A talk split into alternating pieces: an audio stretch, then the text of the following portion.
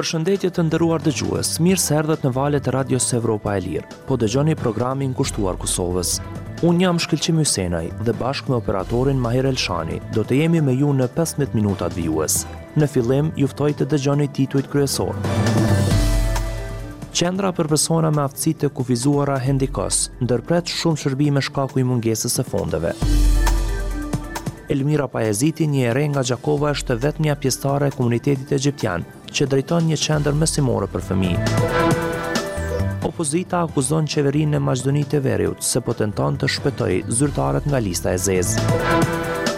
Për këto dhe të tjera informacione të zgjeruara, ju ftojmë të qëndroni me ne. Radio Evropa e Lirë, burimi juaj i informimit. Qendra e Resurseve Hendikos, organizatë kjo që merret me të drejtat e personave me aftësi të kufizuara në Prishtinë, në mungesë të fondeve, ka ndërprerë shërbimet dhe rehabilitimet fizikale dhe psikosociale. Nga kjo, rreth gjashtëdhjetë persona kanë mbetur pa shërbime, disa nga të cilët thonë se këto shërbime janë të domosdoshme për shëndetin e tyre dhe kushtet ekonomike nuk u lejojnë që të vazhdojnë në institucione private. Nadie Ahmeti ka vizituar këtë qendër dhe sjell më shumë hollësi. Të ftohtit, që kishte kapluar pasditen e njëzet e nëntë janarit Qendrën e Resurseve Hendikos në Prishtinë, pamundësoi që Bedri Kadriaj, përdorus i karrocës invalidore, t'i merrte shërbimet e fizioterapisë. Kjo qendër, e cila merret me përmirësimin e kushteve të jetesës së personave me aftësi të kufizuara në Kosovë, e ndërpreu punën gjatë gjithë muajit janar për shkak të mungesës së fondeve. Të gjitha shërbimet që i ofron falas, nga rehabilitimi dhe terapia fizikale, e deri te trajtimi psiko-social dhe logopedia, janë pezulluar. Dhomat e ushtrimeve, tavolinat, karriget, të gjitha janë të boshatisura. Se kur dhe nëse do rikthehen me kapacitet të plotë, nuk është e qartë.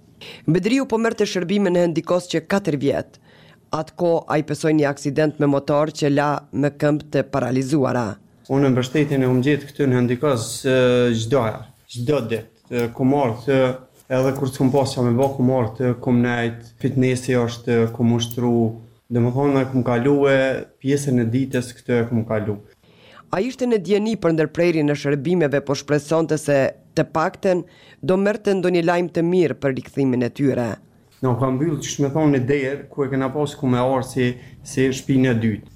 Me atë ndjesi, ditën që REL-i vizitoi hapësirat e Hendikosit, ishte dhe Fidajete Shala Pllana, djali i së cilës, katër vjeç, ka nevojë për shërbimet e fizioterapisë dhe logopedisë. Nga shërbimet e ofruara këtu, djali ka pasur shumë përmirësime, tha ajo për Radion Evropa e Lirë. Është një staf shumë profesional, është mirëpritës, është qasja ndaj fëmijut edhe ndaj prindërve ka pas shumë rëndësi edhe ndikim te ne. Mungesën e shërbimeve tha se i ndjen edhe i biri, sepse vazhdimisht i përmend edukatorët e tij. Me profesion sociologe, Fidajetja tha se familja e saj nuk e përballon dot ekonomikisht pagesën për shërbimet që i duhen katërvjeçarit disa herë në javë. Çdo prind mërzitet kur një fëmiju të vet i ndërpriten shërbimet, kështu që jo që s'ka qenë dëshira që fëmiu të zhvillohet me me progres në fusha të përcaktuara, nuk ma ka leju gjendja ekonomike, unë jam e papunë, Funksionale nga viti dy mijë e tre, Qendra e Resurseve Hendikos në Prishtinë është më e madhja në Kosovë që ofron shërbime për personat me aftësi të kufizuara. Mbyllja për herë të parë gjatë dy dekadave të ekzistencës la pa shërbime mbi gjashtëdhjetë individë në nevojë thotë për Radion Evropa e Lirë drejtori i qendrës, Afrim Maliqi. Sipas tij, individët që marrin trajtime aty bëjnë pjesë në grupet më të rrezikuara të personave me aftësi të kufizuara. Kanë njëzet e dy diagnoza të ndryshme, por më e shpeshta është ajo e paralizës cerebrale. Brenda ditës mund të vinë diku në pesëmbëdhjetë, njëzet fëmijë Për shkak se dallojnë shërbimet dhe varësisht edhe prej shërbimit, një fëmijë mund të ketë nevojë për dy, tri shërbime, një fëmijë vetëm për një shërbim. Ai shpjegon se Qendra e Resurseve Hendikos funksionon në bazë të projekteve, që i bën qoftë vetë, qoftë me shoqata simotra, e që i financojnë organizata apo institucione të ndryshme. Me ato fonde, pastaj mbulohen shërbimet, Pagat e stafit, rryma, ngrohja dhe karburantet. Kur nuk kemi projekte, nuk na financon askush, tha Maliqi. Ai tregon se Hendikosi ka kërkuar nga Komuna e Prishtinës që të marrë nën menaxhim Qendrën e Resurseve, pasi gjendet në territorin e saj, por deri më tash pa ndonjë rezultat. E kontaktuar nga Radio Evropa e Lirë, Komuna e Prishtinës nuk iu përgjigj pyetjes se cilat janë mundësitë që të marrë nën umbrellën e vet këtë qendër, por tha se mbështetja për Hendikosin do të vazhdojë edhe në vitet në vijim, përmes thirrjeve të hapura për subvencionim. Kryeqyteti Prishtina në vazhdimësi ka ofruar mbështetje për këtë shoqatë. Në vitin dy mijë e njëzet e dy kryeqyteti ka ofruar mbështetje në vlerë prej rreth njëzet e pesë mijë eurosh, kurse në vitin dy mijë e njëzet e tre shoqata ka pranuar pesëmbëdhjetë mijë euro përmes subvencioneve, thuhet në përgjigjen e Komunës së Prishtinës dërguar Radios Evropa e Lirë. Për t'i dalë sado pak në ndihmë, Ministria e Drejtësisë e Kosovës i ndau Qendrës së Resurseve Hendikos gjashtë mijë e shtatëqind e pesëdhjetë euro në pjesën e dytë të këtij muaji. Me këto mjete, Maliqi thotë se qendra pritet t'i rikthejë vetëm dhjetë për qind të shërbimeve nga java e ardhshme. Njëkohësisht, ai tregon se është duke punuar edhe në një projekt që do t'i siguronte rreth tridhjetë mijë euro nga kjo ministri. Projekti sipas tij, duhet të përfundojë deri në muajin prill, por nuk i mbulon as shpenzimet, as periudhën kohore. E që kurrënjëherë nuk është e mjaftueshme, e që kurrënjëherë nuk e mbulon gjitha shërbimet asesi, po në anën tjetër as periudhën kohore, për shkak se thirrja është një shumë jashtëzakonisht e vogël. Sipas një llogaritje që ka bërë vetë qendra, asaj i duhen dyqind e gjashtëdhjetë e tre mijë euro në vit për t'i mbuluar të gjitha shpenzimet. Vitin e kaluar, shërbimet sociale në Kosovë kanë kaluar nga Ministria e Financave, Punës, dhe Transfereve tek Ministria e Drejtësisë. Kjo e fundit nuk iu përgjigj interesimit të REL-it për komentet në këtë temë. Bazuar në të dhënat e Organizatës Botërore të Shëndetësisë, në Kosovë jetojnë më shumë se njëqind e pesëdhjetë mijë persona me aftësi të kufizuara. Në organizatën joqeveritare Hendikos janë të anëtarësuar tetëmbëdhjetë mijë persona me aftësi të kufizuara fizike të moshave, gjinive dhe etnive të ndryshme. Hendikosi ka katërmbëdhjetë qendra rehabilitimi në Kosovë dhe të gjitha varen nga projektet që i financojnë qoftë institucionet lokale, ato qendrore apo ndërkombëtare. Për Radion Evropa e Lirë nga Prishtina, Nadie Ahmeti. Radio Evropa e Lirë, burimi juaj i informimit. Gazetarja Doruntina Baftiu na sjell një reportazh për aktivizmin e Elmira Pajazitit, një njëzet e tetë vjeçare nga qyteti i Gjakovës, e cila nisi luftën ndaj paragjykimeve duke hapur të vetmen qendër mësimore në Kosovë që drejtohet nga një pjesëtare e komunitetit egjiptian. Përkushtimi i saj ndaj edukimit, me gjithë sfidat në të cilat ka hasur, ka ndihmuar në krijimin e një hapësire të sigurt për fëmijët. Të ndjekim reportazhin në vazhdim. Që gati katër vjet, Elmira Pajaziti pret e përcjell dhjetëra fëmijë në Qendrën Mësimore Eduwise që ajo drejton në vendlindjen e saj në Gjakovë. Në qytetin ku u shkollua dhe filloi karrierën si praktikante në një kopsht për fëmijë, njëzet e tetë vjeçarja vendosi të hapë këtë qendër mësimore në kohën e pandemisë Covid nëntëmbëdhjetë. Kemi fillu me dhjetë, dymbëdhjetë fëmijë kështu, Edhe eventualisht gjatë periudhës kur veç na punum e pashë që po, është tu shku shumë mirë edhe njerëzt jon tu e pëlqy punën teme, prindërit jon tu e mirëprit çdo iniciativë që unë jom tu e marrë. Kjo qendër është e vetmja në Kosovë që udhëhiqet nga një pjesëtare e komunitetit egjiptian apo ndonjë komuniteti tjetër minoritar. Disa nga fëmijët në dhomat shumëngjyrëshe të qendrës u përkasin komuniteteve rom, ashkali e egjiptian. Sipas të dhënave, rreth gjysma e fëmijëve nga këto komunitete nuk e përfundojnë shkollimin fillor. Edhe kjo ka qenë qëllimi që thjesht nëse në shkollë ka bullizëm, nëse në shkollë ka diskriminim, thjesht na me ju ofru një natyrë dhe një komoditet ndryshe, Edhe thjesht me mësu prej një qendreje që po, këtu nuk ka dallime. Përkushtimi i Elmirës nuk është lëkundur, as kur ka hasur në hezitim nga prindërit për t'i dërguar fëmijët e tyre në qendrën e saj. Që po, edhe pse jeta më ka privu në suaza të ndryshme, në natyra të ndryshme të jetës, Unë muj me arrit. Unë muj me bo ato çka edhe m'i realizu andrrat që unë i kom pas synim qysh e vogël. Edhe qysh e vogël e kom dit që unë kam me kon e suksesshme.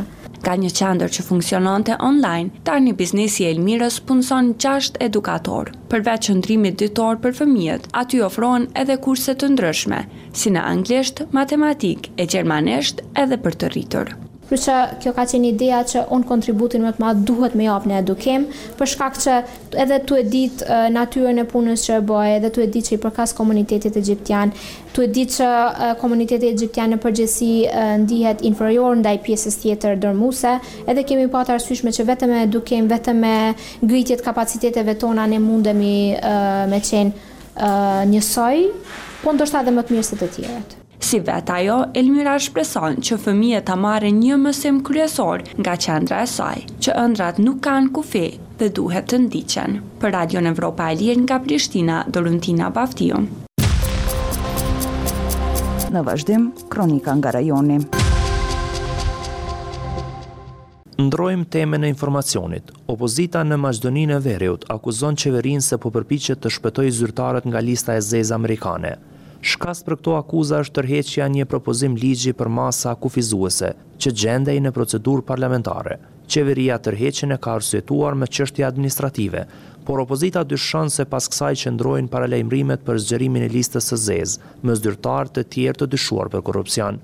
Për më shumë dëgjoni raportin e korrespodentit tonë në Shkup, Isuf Kadriu. Opozita në Maqedoninë e Veriut ka akuzuar qeverinë e re se me tërheqjen e propozimligjit për masat kufizuese, me të cilat parashihet që listat e zeza të SHBA-së dhe Mbretërisë së Bashkuar të bëhen pjesë e sistemit juridik, synon të mbrojë zyrtarët e saj që mund të vendosen në këto lista. Reagimet e opozitës maqedonase dhe asaj shqiptare vijnë pas vendimit të qeverisë e cila tërhoqi nga procedura parlamentare këtë propozim, duke arsyetuar me çështje administrative. Detaje tjera nuk jepen përveç së asaj se propozimi do të shqyrtohet nga qeveria në një nga seancat e ardhshme. Propozim-ligji për masat kufizuese ishte ndër të fundit që u miratuan nga qeveria e kaluar e udhëhequr nga Dimitar Kovaçevski në seancën e gjashtëmbëdhjetë janarit dhe më pas ishte dërguar në Kuvend. Ndryshimet parashikojnë që shtetasit dhe kompanitë maqedonase që përfundojnë në listat e zeza të SHBA-së dhe Mbretërisë së Bashkuar për shkak të korrupsionit dhe keqpërdorimit të detyrës zyrtare, do t'i nënshtrohen edhe sanksioneve nga autoritetet vendore. Veç kësaj, ndryshimet parashikojnë edhe largimin e përkohshëm nga detyra të zyrtarëve, pamundësimin e zgjedhjes dhe të emërimit në poste ose nga ana tjetër, ndalimin e pjesëmarrjes në prokurime publike nëse bëhet fjalë për kompani vendore. Fadil Zendeli, deputet i Lëvizjes Besa, e cila është pjesë e frontit opozitar Lidhja Evropiane për Ndryshim, thotë se qeveria ka tërhequr propozimin për të shpëtuar zyrtarët e saj që mund të vendosen në listat e zeza sipas tij. Kalkulime politike me njerëzit që i kanë brenda. Me siguri është kalkulime se kanë njerëz që i kanë nëpër pozicione ose janë janë ndoshta potencial për listën e zezë amerikane dhe Me siguri në atë kontekst janë tash edhe këto pazare dhe tërheqja e saj. Me siguri do t'i prekë shumë thellë ajo strukturat e pushtetit. Thotë Zendeli. VMRO-DPMNE-ja vlerëson se pushteti aktual i zhytur në korrupsion dhe krim sipas saj, do të bëjë gjithçka për të mbrojtur zyrtarët e tij, por sipas opozitës maqedonase, ata nuk do të mund të mbrohen pas disfatës në zgjedhjet parlamentare më tetë maj. Nga ky pushtet pritet gjithçka. Kjo qeveri është vazhdimësi e qeverisë më të keqe që ka pasur ndonjëherë Maqedonia.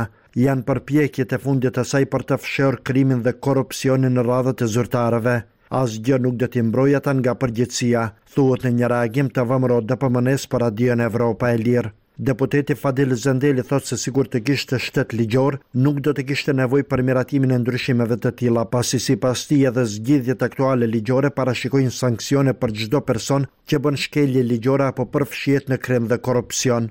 Nuk veprojnë institucionet, janë tërësisht të kontrollume nga ana e pushtetit, veçanërisht prokuroria dhe gjyqësia dhe thjesht është vetëm një demagogji Nga një anë se krijojmë front evropian, gjoja rrugë evropiane, mirëpo rruga evropiane nuk shkon me kapjen e sistemit dhe të shtetit siç e kanë bo këta. Jo në digje rast kundën ta, nuk veprojnë institucionet dhe o vetëm demagogji ajo rruga evropiane e tyre. Thotë deputeti Zendeli, Të fundit që janë vendosur në listën e personave që u ndalohet hyrja në SHBA janë ish-zëvendëskryeministri Koço Angjushev, kryetari i komunës së Strugës Ramiz Merko, biznesmeni kundërthënës Orce Kamçev, ish-drejtori i policisë sekrete Sasho Mijallkov dhe ish-kryeministri Nikolla Gruevski. Ambasadorja amerikane në Maqedoninë e Veriut, Angela Aggeler, në disa raste ka thënë se lista e zezë mund të zgjerohet edhe me persona të tjerë që pengojnë sundimin e ligjit apo që dyshohen për përfshirje në veprimtari të paligjshme.